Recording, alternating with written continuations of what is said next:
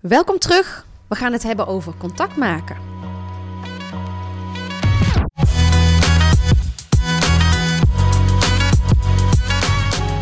Je luistert naar Zie je wel, de podcast. De podcast over transactionele analyse. Gemaakt door de TA Academie. Wij zijn Hanno en Janneke.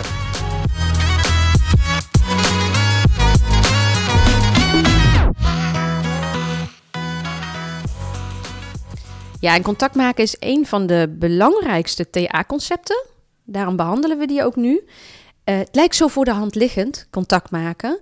En toch, ja, is het soms spannend of ingewikkeld om echt goed contact te maken. Daar gaan we het over hebben. Ja, en het is eh, de tweede aflevering. Dus ik denk dat het goed is, Janneke, dat we eerst eens wat meer over onszelf vertellen. Want ja, als we dat zelf overslaan, dan komt het niet goed, denk ik, met contact maken. nee, dat is een beetje gek, want er zijn hier geen luisteraars. Maar uh, hè, wij hebben wel gezegd, we willen deze podcast maken. Um, met daar vooral een stukje authenticiteit in, een stuk van onszelf laten zien. Hè? Dus inderdaad uh, is het goed om onszelf even iets meer voor te stellen. Zal ik bij mezelf beginnen? Prima. Nou, ga ik gewoon doen. Ja, ik ben Janneke Kierkels. Ik kom uit het Brabantse land. Ik ben opgegroeid in Valkenswaard. Ik ben geboren in 1981. Dus ik ben nu 42. En ik eh, ben wat verhuisd, zo door heel het land. Ik heb in Zwolle gewoond, Harderwijk gewoond, Den Bosch gewoond. Ik heb in Sittard gewoond. Dus als je het hebt over contact maken, heb ik wel verschillende momenten in mijn leven weer opnieuw contact moeten maken. En ook contacten wel weer verloren. Dus wat dat betreft is wel een thema waar ik uh, wel bewustzijn op heb. Ik ben acht jaar geleden voor mezelf begonnen als trainer. En uh, ja, ik noem het procesbegeleider. Ik noem het liever geen coach. Ik vind dat geen prettige term meer. Ik kan me daar niet zo heel goed in vinden. Maar goed, procesbegeleider. En ik ben acht jaar geleden, ja, ben ik begonnen met, ben ik TA tegengekomen. Eigenlijk bij een zakelijk netwerk gaf iemand een presentatie over egotoestanden. En toen dacht ik, ja, bij mij viel meteen het kwartje. Ik dacht, ja, dit is voor mij de kapstok die uh, mij gaat helpen om mensen inzichten te geven, om mensen in beweging te krijgen. En toen ben ik eerst de opleiding coaching counseling gaan doen en verder heb ik me gespecialiseerd in management en organisatieontwikkeling. En ik ben op dit moment bezig ook met mijn CTA. Daar vertellen wow. we later nog wel wat over. ja. Maar dus nu voor het contact maken is dit misschien wel goed om even te delen. En ik kom dus echt uit het, uit het uh, Brabantse land, dus dat neem ik mee. Ja, mooi. En de Brabantse gezelligheid, die ken jij dan ook wel? Zekers. Ja, hartstikke mooi. Ja, ik ben uh, Hando Nieuwenhuis. Ik kom uit het mooie Dordrecht, vlakbij Rotterdam. En ik ben opgegroeid in een dorpje vlak daarbij uh, in Hendrikie de Wambacht. Ik kom uit een gezin van uh, vijf kinderen. Ik ben niet getrouwd. Ik woon zelfstandig in het mooie hartje van Dordrecht. En de transactionele analyse, die ken ik sinds 2016 ongeveer. Toen ben ik ook gelijk een studie daarin gaan doen. Ik heb de PGPO gedaan. Dat is een driejarige opleiding, persoonlijke groei en professionele ontwikkeling. En daarin heb ik ontzettend veel geleerd en ook heel veel er voor mezelf uitgehaald qua persoonlijke groei. Dus dat was een hele rijke ervaring. Mm -hmm. En zeker ook rondom contact maken ben ik wel heel anders naar dingen gaan kijken. En heb ik veel meer kwaliteit in het contact ook eruit gehaald. Ja. Ja. Mm, mooi. Ja, want de manier waarop je contact maakt, hè, dat wat voor jou vanzelfsprekend is, dat is natuurlijk iets wat je hebt meegenomen uit je eigen kindertijd, uit je eigen opvoeding. Zeker weten. Ja.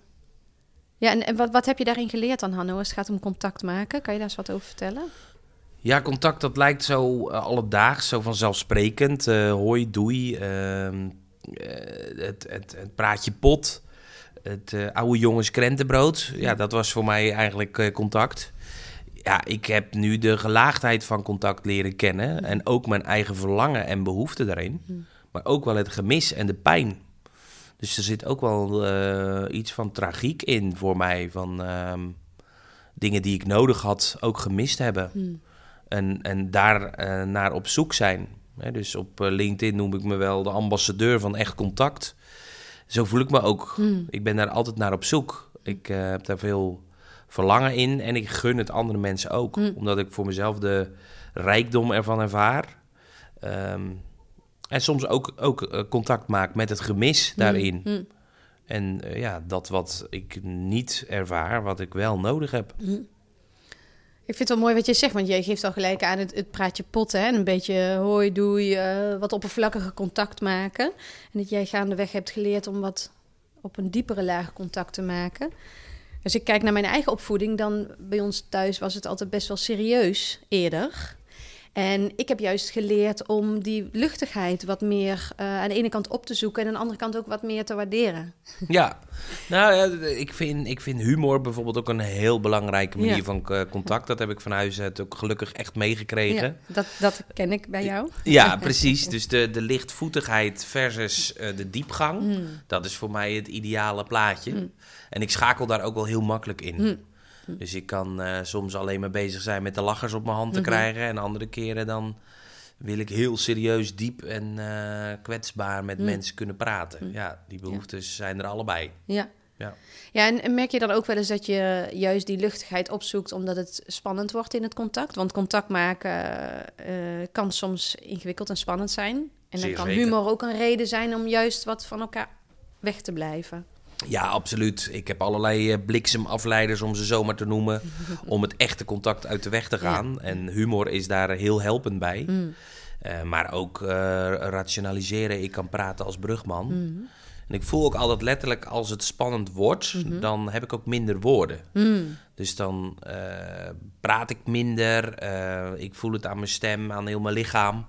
Dus dat, dat is fascinerend. Want Ah. Ja. Sommige mensen denken wel dat ik altijd de woorden klaar heb. Maar als het dus heel intiem wordt en heel kwetsbaar, dan, dan gaat eh, de waterval aan woorden ook, eh, die stagneert. Ah, Ja, ja. Ja. Dan heb je juist even geen woorden meer. precies. Ja. Dan ga je misschien ook een beetje weg. Check je uit. Ja, ja, Dan haak je af. kan gebeuren. Oh, Ja. ja, ja, ja. Oké. Ja. Ja. ja, het is zo mooi, want we hebben natuurlijk, omdat we deze podcast gingen maken, hebben wij ook veel aandacht besteed aan contact maken. Hè, zonder, zonder contact geen contract. Hè, contracten gaan we het de volgende aflevering over hebben. Maar ook in het contact ontstaat ook het contract. Hè? Dus door elkaar beter te leren kennen. Hebben wij, hè, dus in, in, onze relatie hebben we daar veel aandacht aan besteed. Ook omdat wij samenwerken. Wij doen eh, opdrachten samen. En dan is het gewoon heel fijn als je elkaar beter leert kennen. Dat je ook een beetje de achtergrond van elkaar weet. Om te begrijpen waarom ja, jij in dit geval iets wel of juist iets niet doet. Hè? Nou, precies. En contact maken is ook een voortdurend proces. Mhm. Kijk, ik voelde gelijk al een bepaalde klik in eerste instantie. Het, het eerste contact. Mhm. Dat is denk ik al heel bepalend voor wat, je, wat je doorgeeft, ook Mhm. non-verbaal. Eh, maar vervolgens is het denk ik ook goed om te realiseren dat we voortdurend in contact staan. Ja. En dat dat voortdurend om aandacht vraagt. Ja. En dat vind ik wel een eh, gemis aan deze tijd. Ja. We zijn zo vluchtig en we zijn zo van de efficiëntie. Als we niet uitkijken, dan slaan we het echte contact maken gewoon over. Ja, ja inderdaad. Dat, dat wou ik ook nog zeggen. Ik, ik merk inderdaad in teams heel vaak of in organisaties vaak dat mensen aangeven van eh, er is geen tijd meer voor gewoon even een praatje of elkaar iets beter te leren kennen of samen plezier maken. Eh, want we moeten efficiënter en nog efficiënter en nog efficiënter werken. En dat wordt helemaal dichtgetimmerd. Dus ik merk wel, ik krijg wel heel concreet terug dat dat een behoefte is van mensen. Waar weinig ruimte meer voor is. Absoluut. Nou, sterker nog, ik denk dat het al goed is om eh, hele trainingen daaraan te wijden. Mm, en die mm. vragen krijgen we ook van organisaties. Mhm, Van help ons simpelweg contact te maken. We hebben in de eh, pandemie, corona, hebben we ervaren hoe belangrijk het is om, om dat te hebben. Ook gewoon fysiek contact. Ja. Pas als je het mist, dan eh, kun je ook contact maken Mhm. met wat het gemis met je doet. Mhm. Dus ik denk dat heel veel organisaties eh, daarbij stil zouden kunnen staan. Hm. Van joh, wat is eigenlijk de kwaliteit van Mhm. het contact wat wij maken? Ja. Zijn ze daar zich bewust van? Ja. Ja, en dat geldt natuurlijk ook niet alleen voor organisaties. Hè. Het is gewoon sowieso daar waar je samenwerkt of samenleeft. Absoluut. Hè, om aandacht te hebben voor hoe sta jij erin. Ook eens een vraag te stellen die wellicht spannend is. Eens na te denken over welke vraag durf ik eigenlijk niet te stellen. Want dat zegt ook heel erg veel. En daar gaat het voor mij wel over echt contact maken, ja. Zeker weten. En wat jij eh, net al aanhaalde, contact gaat voor contract. ja, als we dat nou eens met z'n allen realiseren, dat we heel veel problemen in samenwerken, of dat het nu je relatie is, je vriendschap Mhm. of je team, kunnen we voorkomen door goed contact met elkaar Mhm, te maken. mhm. Eh, en ja, dat vind ik echt wel eens in deze tijd ehm, tragisch. Mhm. We zitten zoveel op dat scherm en we zijn zoveel bezig met de vluchtigheid. Ja, Ja, het staat gewoon onder druk. ja. Het, we, ja, het, komt niet automatisch uit de verf. Nee. Ja, jij noemde al heel mooi in de voorbereiding, had jij het over dat eh, het still face experiment, hè, dat filmpje, eh, en misschien ken je het filmpje al wel, we zullen de link ook in de show notes zetten. Still face experiment waarbij de, een moeder in contact is met haar kind, hè, transacties uitwisselt en op een bepaald moment haar hoofd wegdraait en dan zonder emoties dat kind aankijkt. Hè. Je ziet dan al gelijk gebeuren dat er totale paniek toeslaat bij zo'n kind. Ja, ik vind het inderdaad fascinerend hoe vroeg eh, contact maken begint. Hè? Al in de buik maken we contact met eh, de baby. Ehm, ja, ik, ik herinner me dat eh, van mijn zussen die dan zwanger zijn. Ja, dat in een heel vroeg stadium leg je je al op die buik, hoor je het hartje kloppen, eh, schopt het al. Moet je nagaan hoe, hoe vroeg we daarmee bezig zijn. En dat, dat, dat het eerste contact voor dat kindje ook heel belangrijk is. Dus ook hechting komt daaruit voort. Hè? Hoe, hoe is het contact tussen eh, ouders en kind? Dat is ontzettend bepalend voor hoe we vervolgens in het leven staan. Ja, ik, ik merk dat hij ook wel raakt als jij hem zo schetst. Ik heb twee kinderen. eh, en de tweede is eh, te vroeg geboren. Vijf en een halve week te vroeg geboren. Dus dat was niet heel kritiek, maar wel onaangekondigd en te vroeg. En ik heb me pas later gerealiseerd wat de impact daarvan is op mijn oudste. Want er was ineens een broertje en daar ging ook heel veel aandacht naar. Want wij lagen in het ziekenhuis. Hij had zondevoeding, daar moesten we mee oefenen. Eh, dus het draaide van alles om, om hem heen. En ik, ik heb ervaren dat mijn oudste heel lang, en eigenlijk nog steeds, ja, niet heel toeschietelijk is met, eh, met liefde en met aandacht. En eh, zeker in het begin wilde eigenlijk niks weten van zijn jongere broertje. En ik heb me ja, pas later gerealiseerd dat dat allereerste contact dus anders is gegaan dan je misschien idealiter zou willen. Ja, precies. Ja, en er zijn natuurlijk tal van voorbeelden. ja. Eh, Adoptie is een, is een Hm. thema. Eh, maar ook kinderen die in de couveuse hebben gelegen. Dat schijnt al anders te werken qua hechting. Eh, niet dat je dan eh, gedoemd bent om geen goed contact te kunnen Mhm. maken. Maar het zijn wel allemaal dingen die meedoen. Ja. Dus het gaat, het gaat heel diep wat Ja. het eh, met mensen doet. Ja. Ja. Ja, dus als we het hebben over contact maken, hè, waarom is echt contact maken nou zo belangrijk? Nou, echt contact maken, je hoeft natuurlijk niet. Hè, soms is het heel effectief om echt het contact op te zoeken met elkaar. En soms is het ook effectief om gewoon wat meer oppervlakkigheid op te zoeken. Hè? Eh, ik was afgelopen zaterdag op een barbecue en daar merkte ik eh, ja, dat er aan een tafel met mensen die ik niet super goed ken, maar daar werd redelijk oppervlakkig, zonder daar een oordeel over te hebben, over van alles en nog wat gesproken. En eh, ik zei in het begin al even dat dat is niet iets wat mij van nature heel makkelijk afgaat, maar het helpt mij wel heel erg op dat moment om daar heel makkelijk op aan te sluiten. Ja, het model van de tijdstructurering binnen de TA vind ik daarin ook echt Ja. eh, fascinerend. Ja. Daar heb ik zelf ook veel van geleerd. Ja, Eh, dus eh, ze onderscheiden eigenlijk zes niveaus van contact maken. Mhm. Het begint met terugtrekken, hè, dat je op jezelf bent zonder contact. Dan loop je dus ook geen risico. ja, dat was voor mij overigens echt een eye-opener hoor. Dat ik dacht, ik hoef niet altijd onder de mensen te zijn. Met terugtrekken is ook heel functioneel. Ja. Zeker, Ja. ja. En dan krijg je de, de rituelen. Hè. Dat is Mhm. al ietsje spannender, maar wel heel veilig. Want dat zijn allemaal ja, standaard eh, dingen die we doen met Mhm. mensen. Dingen die we uitwisselen. Ook belangrijk. Mhm. Jij noemt volgens mij eh, derde niveau eh, tijdverdrijf. Mhm. Ja, dat was echt tijdverdrijven. Ja, een beetje praatje pot, oude jongens Ja. krentenbrood. Af en toe heerlijk. Ja. Hè? Ik eh, stond van de week nog op, eh, op, op een eh, bloemenmarkt. Oh ja. Ja, dat is ook gewoon heerlijk tijdverdrijf. Dat is nog een baantje uit mijn jeugd. Maar af en toe is het heerlijk gewoon Ja. weer even lekker met mensen wauwelen. Ja. En dan krijg je het vierde nive- niveau, dat is activiteiten. Mhm. Hè? Dan gaan we dingen met elkaar doen. Dat is al spannender. ja, dat risico neemt al iets meer toe, hè? Ja. Precies. Ja, en dan, dan wordt het nog eh, spannender als het om contact maken gaat. En dan splitst het eigenlijk in twee niveaus uiteen. Hè. Het spelmatige contact. Eh, dus dat je eigenlijk het echte contact uit de weg gaat. En de diepste laag van eh, contact eh, is dan intimiteit, zoals we dat noemen, eh, binnen de TA. En dat heeft niet per se met lichamelijke intimiteit te maken, maar dat zouden we dus ook echt contact kunnen noemen. Ja.